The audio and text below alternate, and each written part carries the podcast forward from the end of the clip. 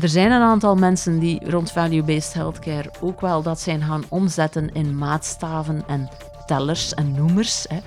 Daar hou ik mij ver van. Het is meer het conceptuele idee en het feit dat je met verschillende partijen aan dat idee samenwerkt, namelijk de outcome in gezondheidszorg, vind ik echt wel een hele mooie kapstok.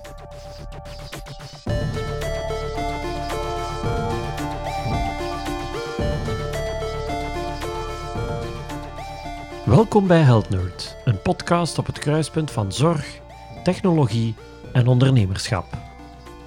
Mijn naam is Tom Raakleers en dit is de Health Nerd Podcast.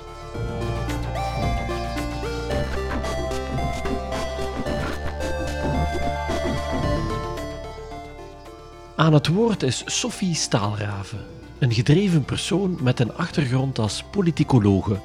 Door persoonlijke redenen werd gezondheidszorg haar domein. Ze is ook gewezen federaal parlementslid, was jarenlang de trekker van de VOCA Health Community tot ze zelf ondernemer werd. Met Dash Plus wil ze een community opbouwen van mensen die samen impactvolle projecten opzetten om de gezondheidszorg van vandaag en morgen concreet vorm te geven. Dus uiteraard hebben we het over haar ondernemerschap en haar persoonlijk verhaal, hoe ze in de gezondheidszorg terechtkwam. Maar meer dan gepland hebben we het vooral over ons Belgisch gezondheidszorgsysteem en wat er nodig zou zijn om dezelfde kwaliteit te kunnen bieden in de toekomst zonder het budget te doen ontploffen. Er passeren veel ideeën, meer ondernemerschap, value-based healthcare enzovoort. Kortom, een gesprek over ondernemen in het complexe systeem dat België heet. Geniet van deze aflevering van Health Nerd, die met Sophie Staalraven.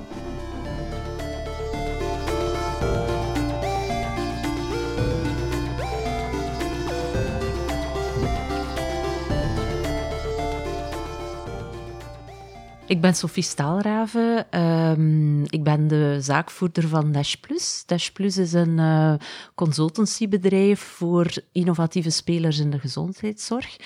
Ik vertel daar straks misschien wel wat meer over, um, maar ik ben vooral ook uh, van opleiding politicologe en eigenlijk aldoende gerold in die wereld van healthcare, innovatie, maar ook altijd een stukje beleid. Ik heb um, Dash Plus ongeveer zes jaar geleden opgestart, na uh, eerder al een aantal stappen in dit veld gezet te hebben, beleids, uh, op beleidsniveau in de healthcare. Ik heb ook een tijdje voor VOCA, de Vlaamse ondernemersorganisatie, gewerkt, waar ik eigenlijk met die thema's ook in contact kwam. En vanuit die drive, vanuit um, de overtuiging dat we echt wel in België maar ook buiten België, maar vooral dan in België uh, werk ik, um, dat wij echt wel konden meer inzetten op vernieuwing, op verbetering nog van het gezondheidszorgsysteem, ben ik gestart met Dash Plus. Um, dit is eigenlijk een platform of een plaats, uh, was in mijn dromen het idee, een plaats waar mensen die bezig zijn met gezondheidszorg, innovatie, terecht kunnen om sneller hun idee, hun product naar de markt te krijgen. Um, ik wil het ook een plaats maken waar mensen die met dat thema bezig zijn, bij elkaar terecht kunnen. Waar ze weten van, oké, daar zijn eigenlijk gelijkgestemde zielen die ook met een heel open blik naar vernieuwing kijken en bij wie ik mijn ideeën eens kwijt kan, waar ik ook eens kan horen hoe zij aan bepaalde zaken werken en kijken, um, kunnen zij terecht. Oorspronkelijk um, had ik uh, Dash Plus voor ogen als een volledig digitaal bedrijf. Maar dat bleek een beetje te snel gedacht, een beetje voor tijd. Um, dus dat werkte eigenlijk niet. Maar de basis van het idee zit nog altijd wel intact. Hè. Ik wil eigenlijk een, een ja, die plaats zijn waar allerlei spelers uit het ecosysteem heel makkelijk terecht kunnen om eens een webinar te volgen, om eens uh, een blog te lezen, om eens um, een bepaalde um, template te kunnen gebruiken in hun werk en zo meer. Daarnaast uh, is er het werk met klanten, um, allerlei spelers in de gezondheidszorg, waar ik samen met het Dash Plus team ondertussen, uh, waar, waar wij eigenlijk gaan helpen om een nieuw product, een nieuwe dienst sneller, beter in het gezondheidszorgsysteem te krijgen. dat is de achtergrond van Dash Plus. Uh, maar ik heb dan nog niet zo heel veel verteld over mezelf als persoon. Um, ik woon in Waregem. Ik ben van opleiding politicologe.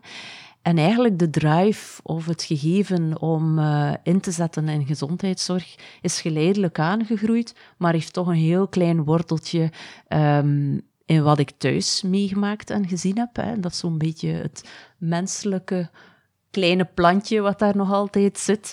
Um, mijn, uh, ja, toen ik, toen ik uh, 13 was, eigenlijk uh, heel jong, is mijn uh, papa, die een zelfstandig tuinaannemer was, is die zwaar ziek geworden. Uh, die heeft een hersentrombose gekregen toen hij amper 49 jaar oud was. En um, dat was een zware hersentrombose. Dus ons gezin, dat een normaal gezin was met drie dochters, werd eigenlijk meteen gecatapulteerd naar ja, een hulpbehoevende vader die eigenlijk op het randje van sterven lag. Uh, die van heel ver is moeten terugkeren in een gezondheidszorgsysteem waar wij onze weg niet in vonden. Um, en waar de voorzieningen eigenlijk helemaal nog niet zo goed waren zoals ze nu zijn. En de kennis ook over wat een hersentrombose met een mens doet, welke hulp er nodig is. Laat staan dat wij als gezin, mijn moeder, de drie dochters, omkadering kregen. Wij, er was gewoon niks. Hè. Um, dus van een gezin dat het relatief goed had, we waren zeker niet rijk, hè, maar van een gezin dat het relatief goed had, tot een, uh, ja, tot een zelfstandige die... Uh, ten onder ging aan zijn ziekte, hè, uh, ook financieel. De zaak ging over kop, het huis moest verkocht worden. Uh, mijn moeder raakte in mentale problemen, uh, los nog van ook de fysieke en mentale problemen waar mijn vader mee te kampen kreeg. En wij als tieners, die eigenlijk aan ons lot overgelaten werden. Hè. Het klinkt raar en ik weet dat het nog gebeurt. En dat is eigenlijk ook een beetje de drijfveer voor mij geweest. Van, ik heb daar heel veel uit geleerd. Uh, men zegt ook, uit miserie word je altijd sterker, of worden veel mensen sterker, en dat is op zich oké. Maar eigenlijk klopt het niet dat in een modern, rijk, kwalitatief hoogstaand gezondheidssysteem het zo moeilijk is om je weg te vinden en om de juiste hulp te krijgen. Uh, dus dat heeft mij altijd wel in de stappen die ik daarna gezet heb, zowel als tiener, maar ook later in mijn studies en in de keuzes beroepsmatig wel beïnvloed. En dat, dat kiemetje zit er nog altijd. Eigenlijk die, die wens van het moet anders, het moet beter.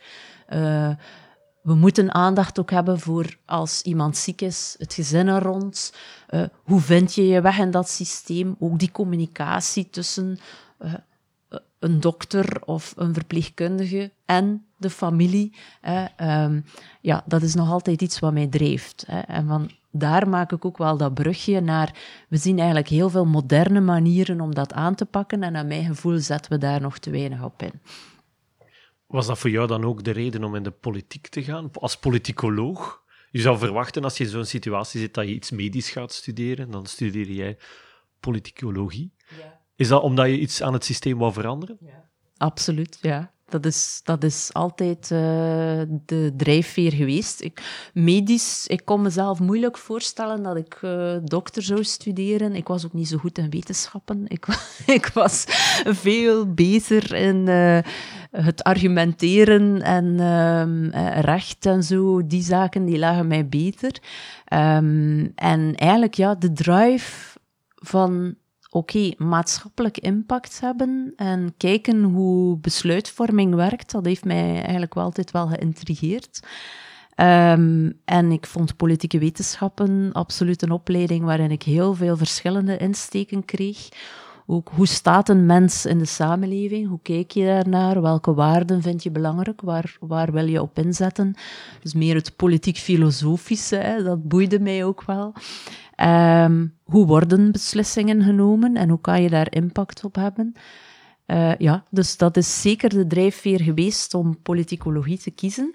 Um, ook wel um, de interesse in de complexiteit van ons Belgisch systeem.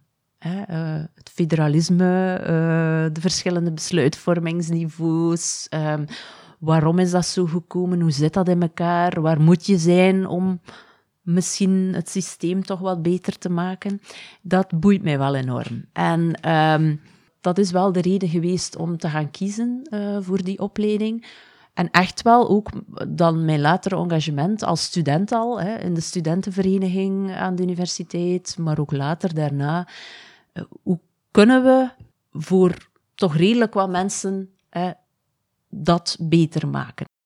Het geloof in de sterkte van de mens en, en de ondersteuning krijgen om je sterktes uit te bouwen, dat is wel iets wat altijd mij aangesproken heeft. En dat vind ik in gezondheidszorg kunnen we dat zeker ook nog meer doen.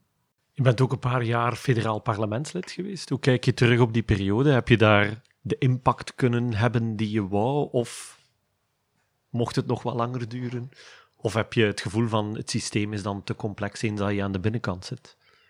Ik kijk daar heel positief uh, op terug. Um, dat is natuurlijk ook iets. Uh, ik ben. Ik ben ondertussen lang geleden, hè, eh, drie jaar midden in uh, alle heisa rond Brussel, veel voor de Kamerlid geweest.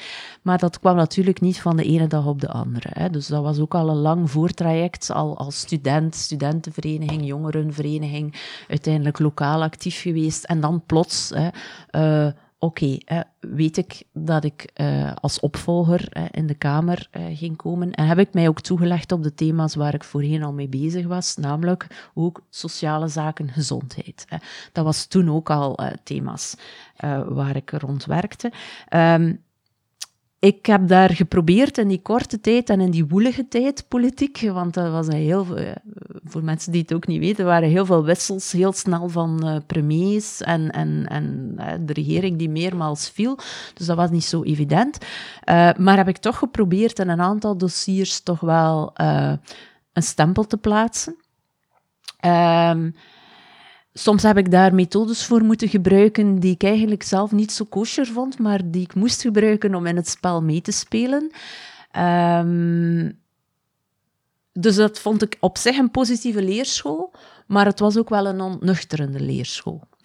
In die zin dat je, uh, denk ik, als je het een paar jaar doet, dat je ook wel weet wat moet ik doen om welk effect te krijgen.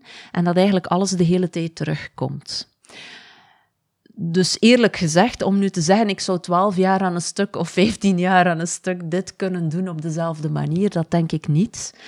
Um, had ik het langer willen en kunnen doen en dan meer betekenen, dat denk ik wel. Uiteindelijk drie jaar is kort om je ook in te werken in dossiers, maar er zijn wel degelijk een aantal dossiers waar ik nog altijd trots op ben dat ik wel um, ja, toch iets heb kunnen doen. En het belangrijkste uh, van die dossiers is eigenlijk iets heel concreets. We hebben uh, over de partijgrenzen heen toen een wetsvoorstel vanuit de Kamer volledig uh, zelf naar voren gebracht over schuldsaldoverzekeringen voor mensen die chronisch ziek zijn. Uh, dus ja, iedereen die een huis wil kopen, heeft een, uh, heeft een nodig als die een hypothecaire lening afsluit. En uh, voor mensen die langdurig ziek zijn, is dat helemaal niet evident. Hè. Je kan amper een schuldsaldoverzekering krijgen, waardoor je dus ook vaak geen huis kunt kopen. Um, wij hebben toen met verschillen, eigenlijk over de partijgrenzen heen, de handen in elkaar geslaan. En we hebben daar ook de medewerking gekregen van het kabinet van toenmalig minister van Financiën Didier Reinders, die daarvoor bevoegd was. Um, want dat is ook belangrijk. Hè. Je kan als parlementslid wel dingen proberen te bereiken, maar je hebt at die end wel nog altijd ergens steun nodig vanuit de, bevoeg, vanuit de regering. Um, maar we hebben dat gedaan. We hebben daar echt een heel mooi wetsvoorstel uh, neergelegd. Um, we hebben daar de verzekeringssector over ons heen gekregen. En gek genoeg zijn dat nu vaak mijn klanten hè, van, in Dash, bij Dash Plus. Um, maar die, die hebben natuurlijk geprobeerd dat een stukje af te remmen. Die zijn zelfs naar het grondwettelijk hof gestapt tegen uh, die wet. Maar we hebben dat gehaald. Hè, en uh, die wet bestaat nu. Hè, en uh, um, ik mag er toch op aan dat, dat iemand die nu een huis wil kopen en die ziek is, uh, die kan eigenlijk terecht, dus die moet twee voorstellen voor een schuldsaldoverzekering krijgen met een grens van maximaal bedrag dat moet bepaald, betaald worden. Is dat bedrag nog te hoog, dan kan die persoon terecht bij een fonds en moet die sowieso een verzekering aangeboden worden. Natuurlijk, de verzekering zal hoger liggen dan de verzekering voor een gezonde persoon. Oké, dat is zo, maar naar alle waarschijnlijkheid moet hij toch echt wel kunnen in staat zijn verzekering te nemen aan een redelijk tarief en dus ook de woning of de lening voor de woning af te sluiten. Dat vind ik wel toch een mooi gegeven andere dossiers uh, die nu ook nog uh, eens terugkeren. Um, het was trouwens de tijd waarin uh, Lorette Onkelings minister van Gezondheidszorg was. En een van haar gevleugelde uitspraken waren: Ik schreeuw nogal eens graag. um, en dus een van haar dossiers ging ook over hospitalisatieverzekeringen. Um, en hoe de markt er voor private hospitalisatieverzekeringen moest uitzien. Daar hebben wij ook wel um, ja, toen echt wel overleg rond gehad, meermaals. Uh, en daar naar een goed kader gekomen voor hospitalisatieverzekeringen. Dus dat is iets wat ik ook nu soms nog, hè, die kennis van dat dossier helpt mij soms nu ook nog uh, in zaken die ik nu doe. En dan een derde worteltje dat daar ook gegroeid is, is eigenlijk alles wat te maken heeft met digital health, uh, telehealth. Um, het was de tijd dat uh, onder andere, en het zal je ook vertrouwd zijn misschien, hè, um, de opleiding DIA van Hoest uh, stond toen nog in de kinderschoenen. En uh, games, ook in gezondheid, was echt nog iets helemaal nieuws. En de opleiding won meerdere prijzen in binnen- en buitenland. En eigenlijk, ja, daar ben ik toen ook even mee bezig geweest en zo eigenlijk op het pad van telehealth, digitale gezondheidszorg gekomen waar ik later dan meer bij, ben mee beginnen doen.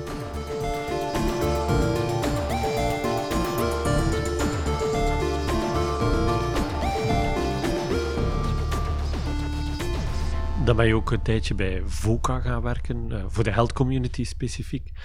Was dat in het kader van dezelfde politieke drive of missie, of was dat eerder dan al dat luikend ondernemerschap, als ik het zo even mag noemen? Een stukje de twee, denk ik. Het was zo dat het was dus een woelige politieke periode. Uh, er kwamen verkiezingen. De NVA won die verkiezingen op dat moment zeer sterk. En ik was niet herkozen. En er waren dus twee dingen die ik kon doen. De klassieke weg is gaan werken op een kabinet of ergens achter de schermen uh, gaan werken. Of uh, hiermee breken en een andere richting opgaan. Ik vond van mezelf, ik ben nogal een. Ik hou niet zo van. Um, afhankelijk moeten zijn. Hè. Ik hou nogal van mijn onafhankelijkheid.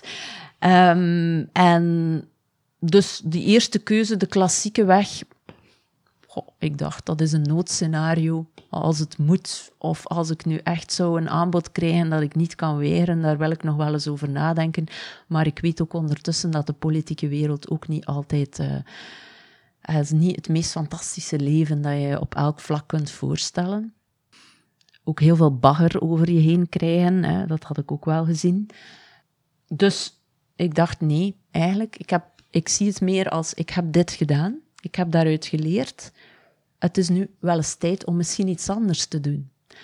Um, en er zijn heel veel andere dingen die mij ook interesseren en waar ik uh, ook wel kan van betekenis zijn, ook in die gezondheidszorg.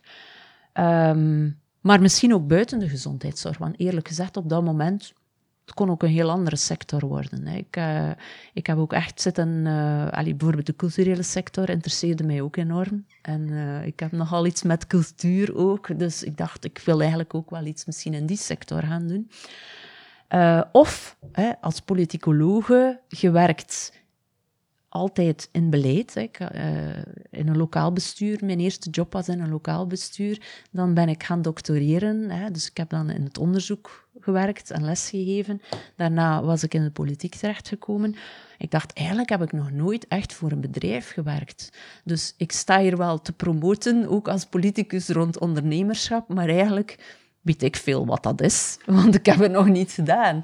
Um, dus ik heb... Um, en misschien zal het jou bekend in de oren klinken, hè, maar na de verkiezingen dacht ik, ik geef mezelf drie maanden tijd om uh, iets anders te zoeken en eens te verkennen wat ik eigenlijk graag zou willen doen. En uh, ik ga ook eens met wat mensen spreken uh, die ik ken, om te horen hoe, hoe kijken zij daarnaar. Hè? Wat, wat, hoe kijken zij naar wie ik ben, wat ik kan. Um, ja, hoe zij de wereld zien evolueren. En misschien heeft mij dat inspiratie over uh, wat ik kan gaan doen, kan ook eens bijstuderen zijn terug. Hè. En dat heb ik gedaan. Ik heb met een aantal heel interessante mensen uh, gesproken. En één daarvan was Jo Beer.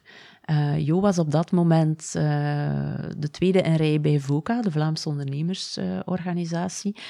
Um, en het was ook de tijd waarin Bart de Wever had gezegd: VOCA is mijn baas. Dus als je het wil hebben over maatschappelijke impact, VOCA was de organisatie die VOCA vond dat niet zo leuk dat Bart de Wever dat gezegd had, maar het was wel zo dat um, als organisatie zij op een punt stonden waarin, oké, die beleidsimpact hebben was voor hen belangrijk. En de healthcare sector was een sector waarin men eigenlijk nog niet zeer actief was. Dus ik had een gesprek met Jo en Jo zei meteen, ja, jij, met jouw achtergrond, met jouw kennis, jij moet dat gewoon uitbouwen voor ons. Um, en ik zei, ja, maar hold it. Heb je ook ergens een functieomschrijving of zo? uh, wat moet ik mij daarbij voorstellen? Uh, kun je mij eens iets meer vertellen? Wow, ja, uh, je moet dus spreken met die en die en je zou daar geknipt voor zijn.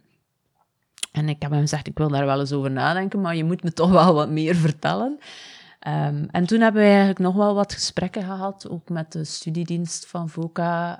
Um, waar, hun strategie, waar wilde men naartoe, wat wilde men uitbouwen, hoe zag men de eigen positie. En um, ik dacht, ja, het is nog niet echt full force een bedrijf. Hè. Het is een tussenvorm, maar hier kan ik wel iets betekenen voor uh, de ondernemers in dit domein. En kan ik ook mijn kennis over beleid hier zeker ook toepassen. Dus voilà, ben ik uh, bij VOCA gaan werken, zes jaar lang. En dat was een hele fijne periode, heel leerrijk, heel uh, fijn. Ontzettend veel mensen ontmoet. En ehm, ja, mee kunnen bouwen eigenlijk aan VOCA Health Community, die we opgestart, die we uitgebouwd hebben op dat moment. Um, en ook samen met de collega's Pieter van Herk en Ria Binst dit verder uitgewerkt. Nu, na zes jaar was voor mij de cirkel rond. Hè. Um, ik had het gevoel van, ik heb hier alles wel eens gedaan. Uh, het loopt lekker, fijn. Maar ik zie eigenlijk ook nog wel dingen die beter zouden kunnen. Hè. Um, vooral dan, want je komt heel veel in contact met allerlei bedrijven, allerlei organisaties. En je ziet soms bepaalde zaken die mensen niet weten, of fouten die gebeuren, maar als je werkt voor een intermediaire organisatie, dan mag je niet, en, en dat is ook logisch, hè, je, je mag je niet eigenlijk te veel mengen of te veel helpen voor één specifiek lid. Um, dus je kan niet super diep gaan. Hè. Je, je, moet eigenlijk voor de groep werken. Wat logisch is.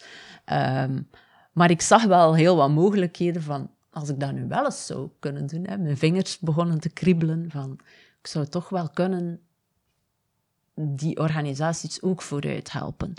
Um, en in die zin vind ik ook het werk wat ik nu doe met Dash Plus, voor de klanten van Dash Plus, uh, maar het werk dat ik bij VOCA heb gedaan, of, of zelfs vroeger nog als OCME-voorzitter um, um, in, in, in mijn gemeente, vind ik eigenlijk niet zo anders dan wat ik nu doe. het klinkt heel anders, maar het is het niet, want de, de, de achtergrond is eigenlijk dezelfde. Hoe kunnen we, in ons geval dan gezondheidszorg, hoe kunnen we het beter, moderner en beter kwaliteitsvoller maken, maar ook toegankelijker? Um, en moderner, dan bedoel ik ook wel hè, efficiënter, meer levenskwaliteit, inspelend op de behoeften die er tegenwoordig zijn, zowel voor de patiënt, maar eigenlijk ook wel voor de mensen die in de sector werken. Hoe kunnen we dat doen op een open manier? En um, voor, voor we onze afspraak hadden vandaag, dacht ik van, wat wil ik nu echt wel meegeven? Ik denk, waar ik een hekel aan heb, is starten vanuit het systeem zoals je het kent. Ik ga heel graag kijken naar wat zouden we anders kunnen doen? Maar stel nu een keer dat we echt van een open blad mogen vertrekken. En probeer een keer niet te denken aan hoe het systeem nu zit. Ik weet natuurlijk wel dat. Um, ik, denk dat die, ik denk dat die oefening belangrijk is om dat te doen. Omdat je zo aan mogelijkheden komt waar je in eerste instantie niet aan denkt en je niet vanuit beperkingen moet gaan redeneren. Dus ook voor de klanten van Nash zeg ik dat vaak. Oké, denk eens out of the box. Met wie zou je nog kunnen samenwerken? Wat zou de gedeelde meerwaarde daar kunnen zijn? dus je moet niet altijd kijken in het systeem. hoe kan ik hier terugbetaling krijgen? wat vroeger tussen aanhalingstekens de kortste weg was, maar wat, hem nu, wat nu de lange weg is, waarschijnlijk. Um, maar probeer eens op een andere manier te denken. En ik denk dat het systeem dat ook nodig heeft. Het systeem heeft ook zelf heel wat veranderingen nodig. En het is, naar mijn gevoel, een beetje het drama van, laat zeggen, de beleidsvormers, de besluitvormers zelf, dat zij wel vanuit het kader zoals het bestaat een stukje moeten of willen redeneren. Hè. Uh, ik denk dat we wel nood hebben aan mensen die toch zeggen: oké, laat ons een keer. We moeten geen wetblad nemen, maar misschien een blad dat toch een beetje minder volgeschreven is. En hoe kunnen we ook ons overlegmodel bijvoorbeeld anders gaan organiseren? Hoe kunnen we ons sociaal zekerheidsmodel, waarop de financiering van gezondheidszorg gestoeld is, ja, goed, hoe kunnen we dat een keer uh, eh, 21ste eeuw maken? Hè? Dat is echt wel nood. Nu, dat zijn heel grote thema's, brede thema's. Daar werk ik natuurlijk niet rond met, met de klanten van Dash Plus. Met de klanten van Dash Plus gaat het echt wel over, oké, we hebben een nieuw idee, we hebben een nieuwe dienst, een product. Hoe kunnen we dat zo uitbouwen dat de mensen daar zo goed mogelijk resultaat van hebben? Op een manier dat het zoveel mogelijk mensen graag bereikt. Ehm, en dan is idealitair natuurlijk in een Bismarck-model of in een rijke samenleving als de onze, is dat liefst met sociale zekerheidsmiddelen, omdat dat, publiek, allez, omdat dat voor iedereen toegankelijk is. Maar natuurlijk, als dat niet kan, omdat het systeem te klassiek is, ja, dan moet het maar anders. Maar als mens wil ik er wel naar streven dat dat binnen dat sociaal zekerheidsmodel is, omdat ehm, ja, ik ben wel een beetje bevreesd voor die twee snelheden. En ik zie nu al die twee snelheden. En ik denk niet dat het antwoord op de twee snelheden is: ah, we moeten het systeem dan maar klassiek houden. Ik denk dat het antwoord is op de twee snelheden: we moeten zorgen dat het systeem flexibeler is en meer mee is met evoluties die je sowieso ziet komen. Um, dat is een beetje de ironie. Hè. Sommige dingen geraken in Afrika of Azië sneller realiteit, omdat men gewoon die ballast van het systeem niet heeft. het is toch crazy dat bepaalde geneesmiddelen eerst uh, in andere werelddelen te krijgen zijn, terwijl wij hier, waar zoveel kennis en expertise en research zit, het niet hebben of nog niet hebben. Of dat Belgische ontzettend goede technologische bedrijven gewoon naar het buitenland gaan en hier geen weg vinden. dat is, dit noem ik armoede.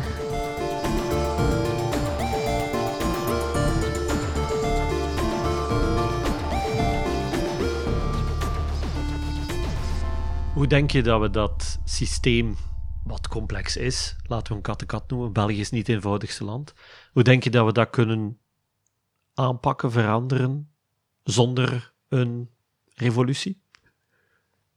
Of hebben we revolutie nodig? Nee, we hebben geen revolutie nodig. Ik denk. Ehm, ik heb ook zeker niet op alles uh, een, een, uitgewerkt antwoord. Ehm, maar ik denk dat er wel een aantal dingen zijn die we, die we kunnen doen. Er zijn een aantal wereldwijde evoluties in gezondheidszorg. Uh, de grote trends die iedereen kent en waar iedereen in ons vak mee bezig is. Uh, de ene is preventie, lifestyle medicine en alles wat die kant op gaat. De tweede is alles wat met digitalisering te maken heeft. En de derde is dan het hele luikje rond integrale samenwerking, uh, multidisciplinariteit. Um, als we op die drie assen alles zouden proberen om dan puur vanuit het gezondheidszorgsysteem hè, een aantal dingen, een aantal incentives te zetten voor de mensen die in het systeem werken, om die meer toe te passen. Maar zonder dat we altijd terugvallen op klassieke nomenclatuur, um, uh, wat we kennen, hè, dan denk ik zou je een verandering kunnen teweegbrengen. Um, in die zin, uh, als we het dan over digital hebben, uh, is heel het verhaal waarin je zegt, kijk, alles met digital, we gaan dat bijvoorbeeld gedurende een jaar of gedurende twee jaar financieren. Natuurlijk onder bepaalde afspraken. Hè. Voilà, we geven het een kans en daarna kijken we of dat het kan verder gezet worden. Dat geeft een incentive. Dat is natuurlijk een gewaagde incentive. Hè. En, en, en, ik hoor al heel veel mensen zeggen: oeh, dat zal de sociale zekerheid veel te veel kosten. Uh, dat geloof ik niet.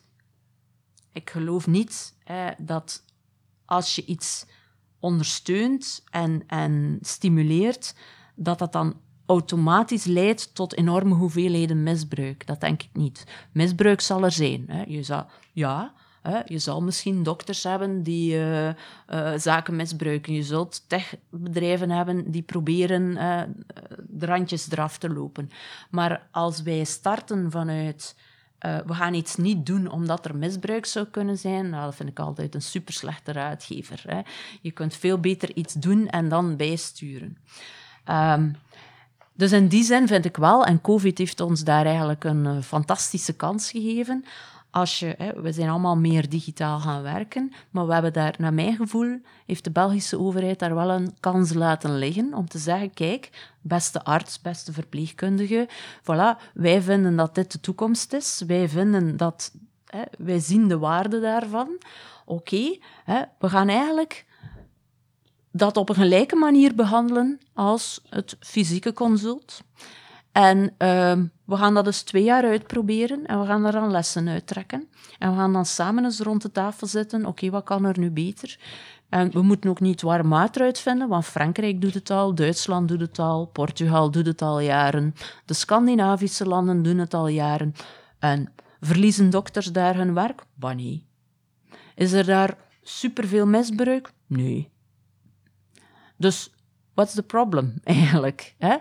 Um, laten we digitale zorg op dezelfde manier behandelen als fysieke zorg? Is fysieke zorg altijd van een uitstekende, primordiale kwaliteit die alle problemen oplost? Ook niet, hè?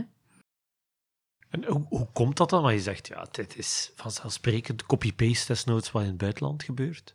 En toch gebeurt het niet. Is België dan zo anders? België is niet anders. Hoe komt dat dat dat niet gebeurt? Ik denk dat dat... Laat mij proberen diplomatisch uit te drukken. Dat mag, dat mag. um, oh, een klein beetje gebrek aan lef, denk ik, uh, op cruciale momenten. Gebrek aan doorduwen. Uh, gebrek aan dan wat ik zou zeggen... Kom, we gaan eens onze rode laarsjes aantrekken en uh, ervoor gaan. Hè. Um, waarom doen we het niet? Omdat we vinden dat we op onze eigen manier toch moeten uh, dingen zeggen. En ja, wij zijn toch niet zoals de rest en we hebben bepaalde gevoeligheden die dan toch moeten verzekerd zijn. Wat ik dan zou noemen vanuit een angstreflex en een machtsreflex. Hè. En dan kom ik bij een tweede ding. Uh, er zijn evoluties overal. Hè. Die, evolutie, die trends naar preventie, die trends naar digitalisering, die workload van mensen in de zorgsector. Nu, die evoluties gaan we niet tegenhouden en we gaan ze morgen ook niet oplossen. En ik heb wel geleerd doorheen heel de COVID-problematiek en ook bezig te zijn met digital, wat mij ontzettend is opgevallen, is dat we, en dat is een gevoelig punt, maar ik ga het toch maken, maar proberen diplomatisch te maken. We zien altijd dezelfde mensen die de touwtjes in handen hebben. En we zien ook een zeer bepaald profiel van mensen die de touwtjes in handen hebben. Terwijl er waarschijnlijk onder de luisteraars van deze podcast en uh, in het ecosysteem waarin wij werken, lopen er heel veel atypische mensen rond. Met supergoeie ideeën, uh, met een enorme drive. Maar wie heeft er het heft in handen? Ja, dat zijn de iets oudere mannen uh, die wel heel erg denken vanuit een bepaald systeem en vanuit een bepaalde machtspositie. En ik, ik, uh, ik zie, de, allee, dat is geen verwijt aan deze of geen. Ik heb ook niet één iemand in gedachten uh, daarvoor, dat is niet zo. Um, maar ik heb wel gemerkt dat men vaak redeneert vanuit: oké, dit is het systeem en we moeten dus werken met die bouwblokjes. Hè. En dat ook wel. Um, dus daar eens afstand van nemen. Misschien ook eens andere stemmen beluisteren dan wat men gewoon is. zou al veel frisheid kunnen opleveren. Um, en dus in die zin vind ik het profiel ook van de zorgprofessional, en dat is eigenlijk nu een brugje naar een topic waar ik nu uh, met Dash Plus uh, iets wil rond gaan doen dit najaar. Maar het profiel van de zorgprofessional vind ik eigenlijk ook niet juist. Ook in de media, of um, als we nu zaken zien eh, bijna wekelijks lezen we artikelen in de krant. Lange wachtrijen voor tandartsen, huisartsen staan onder enorme druk. Uh, we gaan meer artsen toelaten tot het beroep. Maar ja, die mensen zijn maar over zeven jaar afgestudeerd. Wat gaan we ondertussen doen? Het zal in die zeven jaar niet plots beter worden. Hè? dus um, we hebben het profiel van de man of de vrouwelijke de mannelijke arts, de vrouwelijke verpleegkundige, en dan de besluitvormers die ook eerder mannen zijn, iets oudere mannen die daar aan de tafel zitten rond uh, bij het RISIF en die het ene dossier altijd met het andere verbinden. Um, waar ontzettend veel expertise samen zit. Um, mensen met goede bedoelingen, denk ik, maar ook mensen die heel erg redeneren vanuit hun eigen positie. Um, en waar waarvan ik mij afvraag hoe, hoeveel vertegenwoordigen zij nog die jonge, toch vaker vrouwelijke persoon die een medisch beroep kiest. Um, en die misschien ook niet, die ook maar eh, net zoals Tom en Sophie is. Hè, want ook het, het beeld dat wij hebben van een dokter is nog altijd, ah, die persoon moet alles weten, moet alles kunnen oplossen. Um, uh, maar dat is niet zo. Hè? Um, en het zijn ook mensen die uh, graag gaan sporten en graag uh, naar cultuur gaan en, en hun zin proberen te combineren met hun werk. Hè? Maar eigenlijk in een redelijk strak keurslijf werken. En je ziet, um, dus dat profiel van wie is die, die persoon die in de gezondheidszorg werkt, weg van de witte schort, weg van geslachtsrollen of machtsrollen, daar vind ik, we mogen wel eens andere mensen opvoeren. Hè? En, en meer diverse mensen ook opvoeren in het beroep en andere meningen ook opvoeren in het beroep. Um, dus vandaar hè, uh, dat ik uh, dit najaar um, zo, ga, ik, ga ik daar rond een stukje werken. Niet omdat ik daar nu rijk van word of wat dan ook, maar echt wel een beetje vanuit die frustratie als ik zo de pers lees of als ik merk, uh, ook in gesprekken en debatten rond wat moet er nu veranderen in gezondheidszorg, dat gaat voor mij toch wel een beetje altijd dezelfde profielen zijn die we zien. En ik ben ervan overtuigd dat er healthcare professionals zijn die zeggen, ik zou het eigenlijk wel anders willen, of ik heb hier een vrij goed idee, maar waar moet ik zijn? Um, en ik heb niet noodzakelijk de wens om zelf een eigen bedrijfje te starten, maar ik zou het wel leuk vinden om andere mensen die ook eens op mijn manier denken, om daar eens mee in gesprek te gaan. Uh, dus ga ik twee dingen doen. Ga ik enerzijds een rapportje uitbrengen rond wat is dat profiel nu eigenlijk van die healthcare-werker in België? Wat weten we daarover? En aan de tweede kant uh, wil ik eigenlijk een soort we noemen dat een mastermind groep, dus een groep van een vijftiental mensen samenbrengen die met elkaar gaan uitwisselen, uh, die, die uh, elke praktijk of elke fase in het beroep heeft een aantal vragen waar zij mee bezig zijn. Oké, hoe kunnen we nu leren van elkaar? Waar zit ik mee? En tegelijkertijd geeft dat ook wat steun aan elkaar als je het hoort. Hè, van, ik heb daarmee geworsteld, maar ik denk dat ik het zo moet aanpakken. En ik denk dat we dat wel kunnen gebruiken en dat ook heel veel kinesisten, vroedvrouwen, artsen dat ook onder elkaar kunnen gebruiken, want zij, zij spreken elkaar eigenlijk nog altijd niet zo vaak. Hè. De, de gezondheidszorg is een heel uh, wereld waarin artsen artsen zien, verpleegkundigen verpleegkundigen en zo meer laat staan. Ik weet ook niet, hè, gisteren had ik nog een gesprek met een arts die zei, ja, eigenlijk zie ik zelfs mijn collega's met dezelfde achtergrond heus niet vaak hoor. We zijn eigenlijk een stuk loners, hè. we werken vaak alleen, we hebben alleen een stafoverleg. Maar daar gaan we ook elkaar, ons hart niet blootleggen tegen elkaar. Dus um, ik denk dat er wel een grote groep is van mensen die dagdagelijks het werk doen in de zorg die overbevraagd is, die we nu te weinig zien en horen, of die te weinig terecht kan ergens ja, om steun te krijgen bij elkaar. Dus als ik daar kan aan bijdragen, misschien zeer idealistisch van mij, want ik ga dat gewoon doen omdat ik dat interessant vind. Um, voilà, het is een warme oproep voor mensen die willen deelnemen aan uh, ons groepje, ons kleine communitytje dit najaar. Ja, bij deze dus. Ja.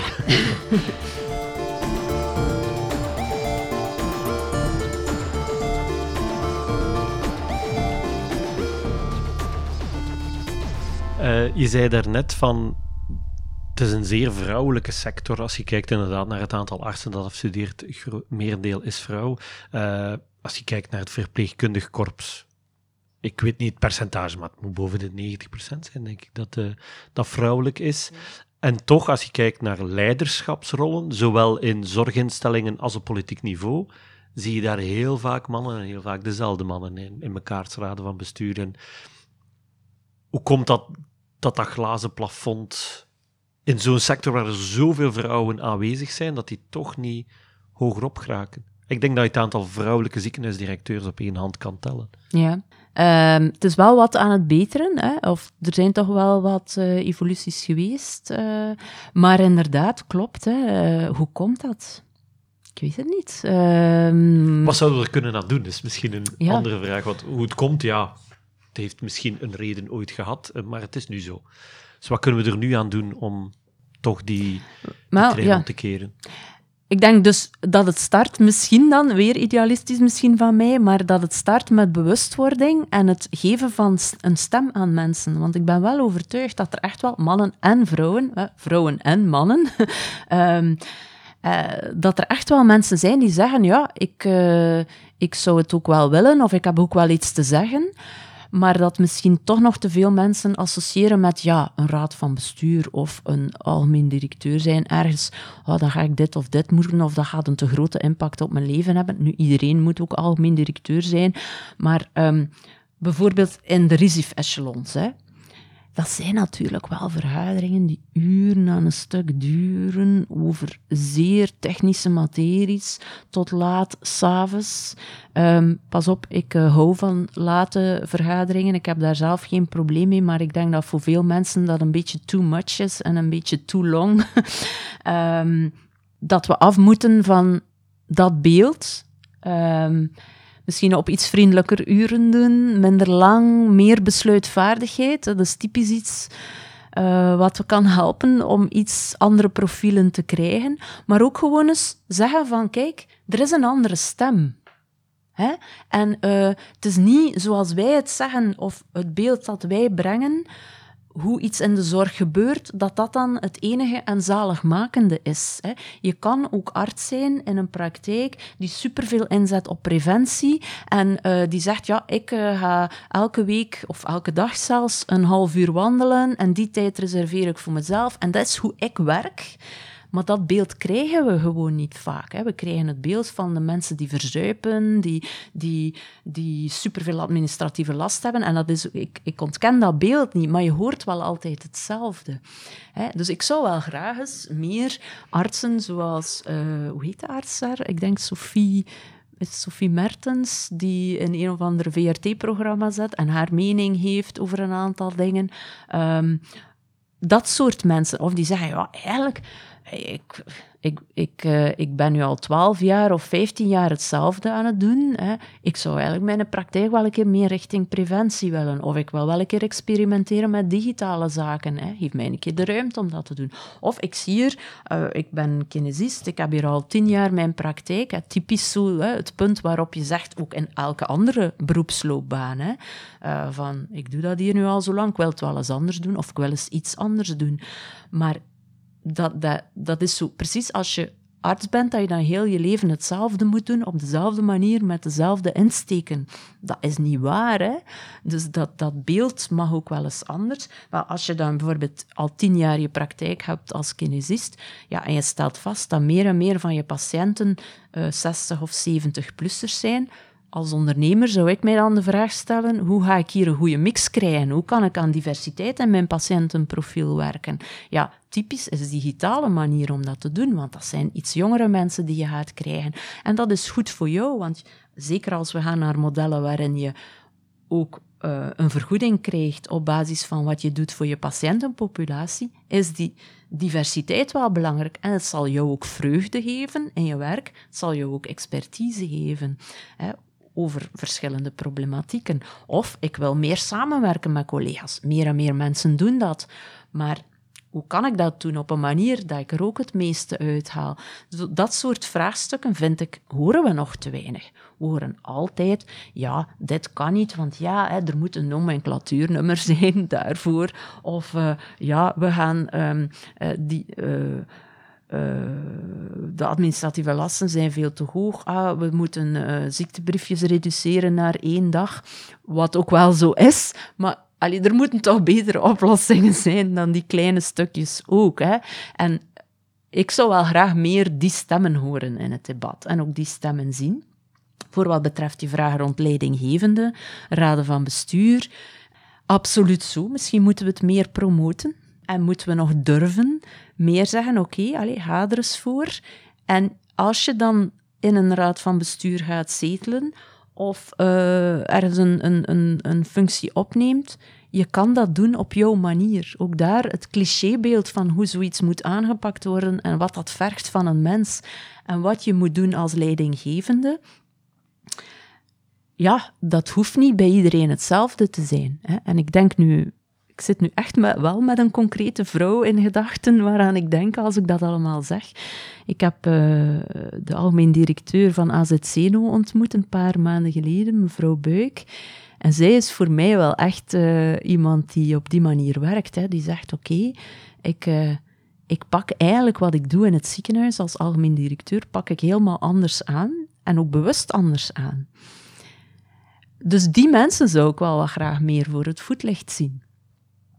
Maar dat is nu toevallig een vrouw. Er zijn ook mannen zo. Hè. Ik wil ook niet zo uh, naar een man. Het gaat meer algemeen. We horen vaak dezelfde, ook in het journaal. Uh, we zien vaak dezelfde profielen. We zien diezelfde argumentatie.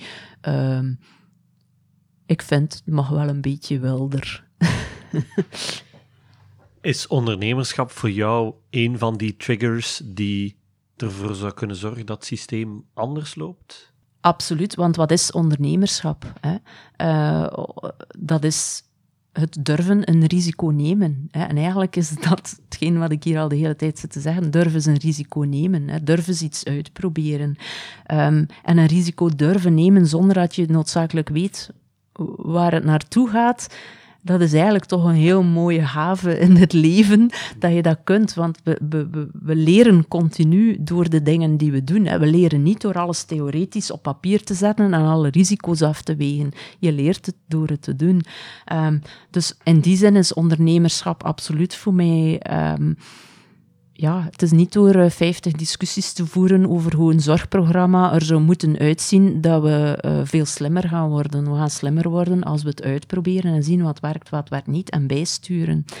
Uh, en dat is ook ondernemerschap. Hè. Ondernemerschap is niet iets wat altijd moet puur privé zijn. Integendeel, hè. Het, kan, het kan ook prachtig vanuit diverse organisaties die ook met publieke middelen werken.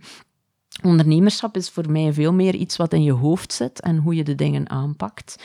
Um, en ook uh, ja, is een leertraject. Um, en waar ik geloof, aan mijn bureau, in mijn bureau hangt voor mij elke dag het, uh, een print van de succescurve van ondernemerschap, hè, waarvan iedereen denkt dat die omhoog is, maar die dus zo flexibel is als maar kan. En dat is wat ik ook zelf uh, gemerkt heb de voorbije jaren. Hè. En het is fantastisch als je merkt van, ik start met iets, ik heb een idee, maar ik moet dat aldoende aanpassen.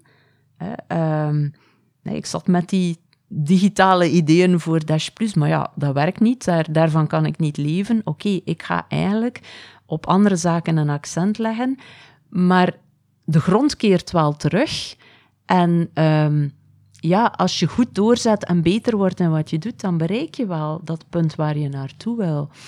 Um, en dat is ondernemerschap. Dus die ruimte geven om dat te kunnen doen, die ruimte nemen ook om dat te doen, en ook al is het risicovol, dat is voor mij ondernemerschap, ja.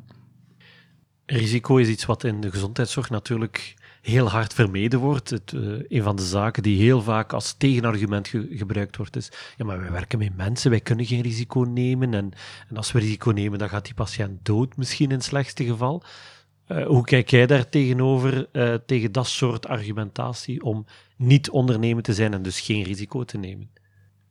Ja, als het puur gaat natuurlijk over medische ingrepen, uh, daar kun je inderdaad, of daar mag je zo weinig mogelijk risico nemen. Hè. Uh, natuurlijk, wat je doet. Um, medisch of in, in therapie met een persoon, ja, dat, dat, daar moet je geen risico in nemen. Daarover gaat het op zich ook niet. Um, dat moet afgedekt zijn, je moet zeker zijn, maar 100% zekerheid is er nooit. Hè? Dus uh, je weet niet hoe een patiënt zal reageren, maar ik denk we begrijpen elkaar goed. Het moet natuurlijk wel de beste therapie en de beste, het beste ingrepen zijn. Um, het gaat meer over, oké, hoe organiseren we ons? Wat gebruiken we wel, wat gebruiken we niet? Hoe kunnen we misschien op een andere manier mensen helpen? En dan kom ik, dan kom ik wel bij, herinner u dat worteltje of dat zaadje waar ik over sprak bij mijn pa?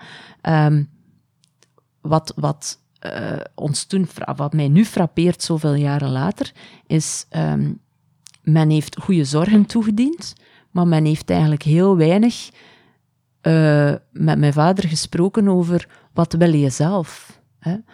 Um, typisch aan een persoon die een hersentrombose krijgt, is dat ook de emoties veranderen. mensen worden heel emotioneel, uh, maar ook hun karakter verandert eigenlijk. Psychologische ondersteuning was er amper. Hè.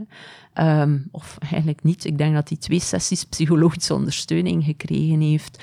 En nu is dat hopelijk al anders in een traject van zorg voor iemand na een trombose. Maar het is wel kei belangrijk. Um, dus men mocht nog zo goed revalideren of tien geneesmiddelen geven. Maar wat wil je zelf in het leven? Hoe, hoe kunnen we jou helpen om uh, die dingen die je wil bereiken waar te maken? Vind ik een minstens even belangrijke vraag. Dus in je om de brug terug te maken in je zorgorganisatie voor een patiënt met kanker of welke aandoening dan ook. Er is natuurlijk het medische ingrijpen, maar er is ook hoe kunnen we jou in al die wensen die je hebt in je leven en in jouw sociale context, wat kunnen wij eigenlijk doen vanuit gezondheidszorg voor jou? Daar vind ik uh, daar kunnen we echt wel ondernemender in zijn en kunnen we echt wel nog grote stappen vooruit boeken. Dat is eigenlijk ook de filosofie een beetje van value-based healthcare van Porter. Wat ik uh, een heel mooie kapstok vind om te kijken aan dingen die we kunnen verbeteren in gezondheidszorg. Het tweede argument dat heel vaak gebruikt wordt, ondernemerschap wordt gelijkgesteld aan commercieel gewin. Hoe kijk je daar dan tegenover? Want dat, we weten allebei dat het niet zo is, maar goed, toch wordt dat als argument gebruikt. En, en er zijn helaas voorbeelden te vinden van commerciële organisaties die zorg organiseren en het dan inderdaad niet halen, zonder namen te noemen. Uh, hoe, hoe bekijk je dat? Ik denk dat het een stuk hypocriet is om te zeggen dat er nooit financieel gewin is. Ook niet bij goede zorg. Hè. Uh, het is gewoon zo. En, uh, dus je moet niet doen alsof het er niet is. Um, het is voor mij geen, geen of-of verhaal. Hè. Je, kunt, uh, je kunt uitstekende zorg bieden en dat mag ook wat opbrengen. En je kunt ook slechte zorg bieden en het brengt wat op, dat kan ook. Hè. Um, denk, ja, de kwaliteitsnormen en de kwaliteitswet zijn daar voor mij wel een heel belangrijke leidraad. Ja, en er zitten mechanismen in het systeem die nu ook pervers zijn. Hè? De, de mechanismen van, oké, okay, uh, kwantiteit versus kwaliteit. Waarom, waarom doen artsen bepaalde onderzoeken? Ja, omdat het opbrengt of omdat je met de nomenclatuur bezig bent. En eigenlijk is dat ook niet oké. Dus de, voor mij is dat geen tegenstelling. Hè. Um, gezondheidszorg in brede zin van het woord en alle spelers die in het ecosysteem actief zijn, bedrijven, ziekenhuizen, zelfstandige zorgverleners, het is niet fout of slecht dat dat, dat uh, een inkomen oplevert. Integendeel, dat hoort erbij. Dus ik bekijk dat niet negatief, ik bekijk dat redelijk pragmatisch. Uh, natuurlijk, je werkt met publieke middelen. En daar mag er dan ook wel wat controle op zijn. Hè. Maar opnieuw uitgaan van het slechtste, dat vind ik nooit een goed uitgangspunt.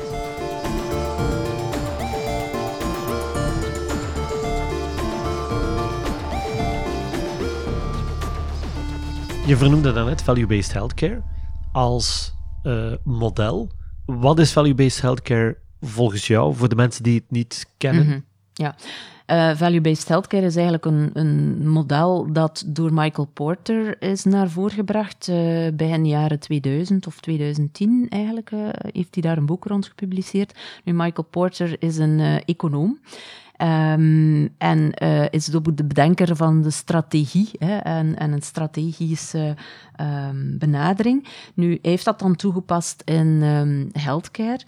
Um, het is eigenlijk een model waarin hij, en dat vind ik het super aantrekkelijke eraan, hè, je hebt vaak de tweespalt tussen kwaliteit en kwantiteit in healthcare.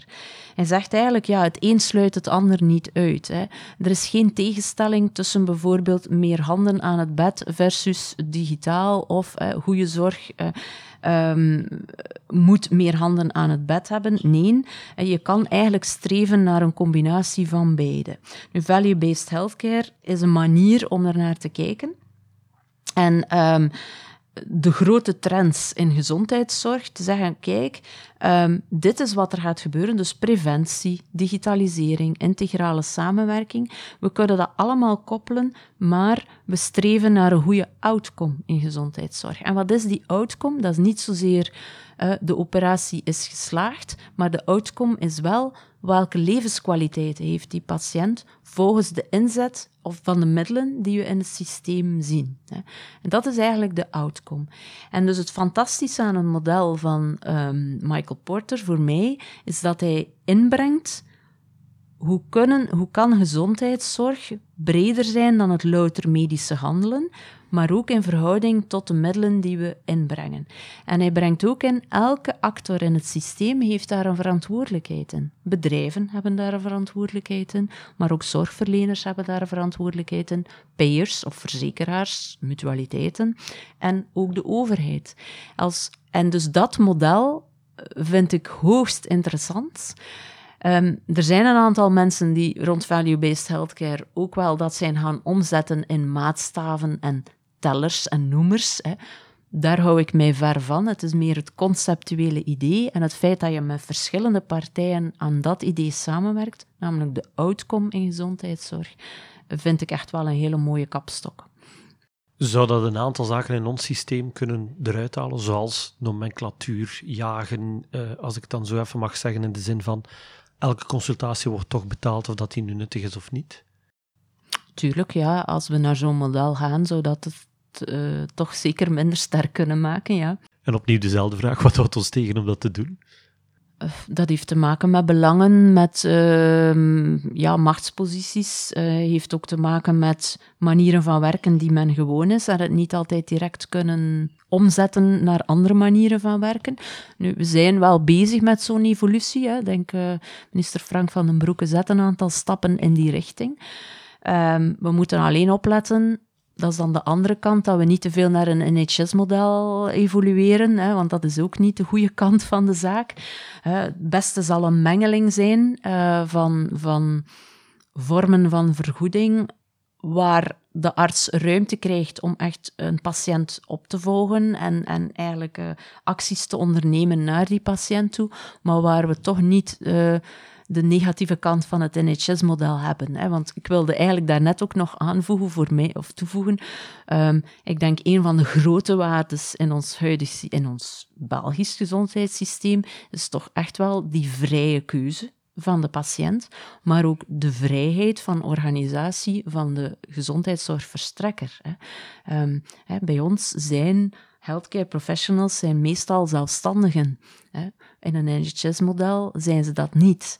Um, ik denk niet dat er mensen zijn die naar een NHS-model willen in ons land. Um, dus daar moeten we ook goed voor oppassen. Nu, we zien ook wel in gezondheidssystemen, er zijn nog weinig heel erg pure uh, publieke modellen en pure private modellen. Hè. De meeste modellen zijn eigenlijk een mix en het is zaak om het beste evenwicht daarin te vinden. Maar wel Ah, ik ben wel overtuigd dat we meer naar een financiering moeten per patiënt, per traject, eerder dan per akte. Is dat het rugzakprincipe dat we op Vlaams niveau kennen voor, uh, voor onder andere personen met uh, beperking en zo? Is dat een model wat je dan ook op federaal niveau zou trekken voor algemene zorg? Oh, dat vind ik moeilijk om daarop. Eh, als ik nu ja zeg, dat is een fout antwoord. Als ik nee zeg, is het ook een fout antwoord. Um, omdat je kunt dat niet zo copy-paste. Um, nee, ik denk dat wel. Ik denk de evolutie naar stap voor stap. Hè. Dus uh, we hebben geen revolutie nodig op dat vlak, maar wel een bestendig, uh, uh, laten we zeggen, een weg naar Compostela, maar niet in die twintig jaar duurt. Hè. Liefst in één jaar af te maken, of dan in politieke termen misschien vijf jaar af te maken. Eén legislatuur. Eén legislatuur. Ja. Als we een snelle regering hebben ja. onder al die voorwaarden. Ja. Ik heb nog één vraag voor jou. Stel dat jij een wit blad papier krijgt en jij mag het helemaal opnieuw tekenen iedereen die ook maar iets te zeggen heeft, luistert plots naar Sophie. Wat zou jouw droomscenario zijn waar dat we als land of als systeem of als onderneming, gezondheidsactor, hoe, welke hoedanigheid dat je ook hebt, wat dat je naartoe zou willen gaan? Ik zou willen gaan naar uh, een systeem waarin, laten we zeggen, minstens evenveel middelen ingezet worden op preventie in de brede zin dan curatie. Um, dat is één. En waar ook de middelen van preventie te goed komen aan diegene of de middelen in dezelfde pot komen als curatie. Want daar zit nu een enorme scheeftrekking, wat het bijna onmogelijk maakt om heel vernieuwende dingen op dat vlak te doen. En een tweede punt is, ik zou digitaal alle ruimte geven en eigenlijk op exact dezelfde manier behandelen als fysiek, um, met dezelfde kwaliteitsregels, maar niet strenger dan fysiek. En een derde luik, ik zou willen dat uh, we afstappen van het willen beheersen en het paternalistisch denken over de patiënt. En het willen richten van de patiënt in een bepaald keurslijf in het systeem. Maar dat betekent ook dat we veel meer informatie moeten geven aan de patiënt. Wat bedoel ik daarmee zeer concreet? Hè? Um, in het huidige systeem werken we nu aan. Um, dus de patiënt wordt geleid richting. Je moet eerst naar de huisarts, dan mag je naar de specialist. En er worden eigenlijk financieringen daaraan gekoppeld. Je krijgt een voordeel als je dat doet. Als je dus mooi het trajectje volgt zoals jij. Uh, ja, zoals zou moeten gebeuren. Hè. En de, de, de zorgverleners worden ook op die basis beloond. Hè. En er worden normen gesteld, bijvoorbeeld ze krijgen een premie als ze aan zes of acht van de tien factoren voor e-health voldoen, hè, als ze dan hun, hun digitaal dossier op orde hebben. Wat gebeurt er? Uh, een week voordat uh, de aanvraag voor de premie moet ingediend worden, zit men rap rap alles in orde te brengen en dan krijgt men de premie als huisarts. Ja, Waarvoor is dat goed? Je kunt die energie veel beter steken in iets wat je continu doet en wat veel minder controle nodig heeft, maar wat gewoon gebeurt. Hè, en waar iedereen. Uh, dus dat traject, dat een beetje paternalistisch mensen behandelen, dat zou ik eruit willen krijgen. En welke rol zie jij voor jezelf daarin? Of wat zou je nog zelf willen realiseren binnen die heel mooie droom? Ik denk dat mijn rol er een kan zijn waarin ik um, probeer mensen samen te brengen en in heel concrete dossiers probeer vernieuwing en uh, nieuwe producten, nieuwe diensten bij de grote spelers in ons land de deur binnen te krijgen, toegepast te krijgen en dan samen daaruit te leren. Dat is eigenlijk ook wat ik nu doe in verschillende projecten. Hè. Dus uh, voor de klanten van Dash Plus, wij gaan echt wel kijken, oké, hoe kunnen we nu samen waarde krijgen uit een vernieuwing die we in het systeem, allee, in het systeem ik bedoel daarmee niet terugbetaald, hè, maar die we in het, in het toepassingsveld kunnen krijgen. En dat is ook de rol die mij heel goed ligt. Hè. Heeft dat maatschappelijke impact? Mooi meegenomen. Want daar zit dan misschien een beetje mijn basis als politicologe. Maar verandert dat iets aan het beleid? Het zal ook wel zonder gaan. Hè? hè? Uh, de navel van de wereld gaat niet door uh, het beleid. Hè.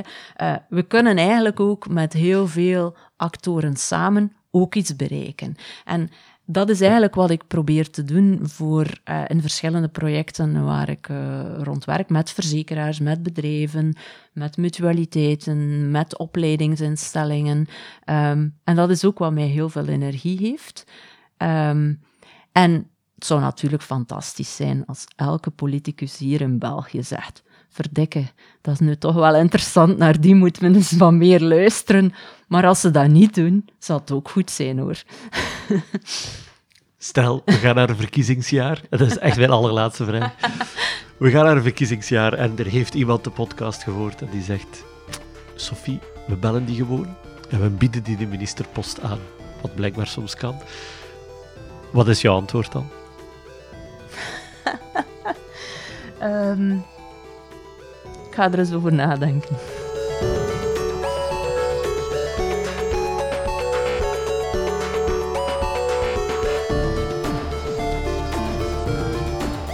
En hiermee sluiten we deze aflevering van Held Nerd af. Wil je deze of andere afleveringen herbeluisteren? Ga naar je favoriete podcastapplicatie of bezoek heldnerd.eu. Heel graag tot de volgende.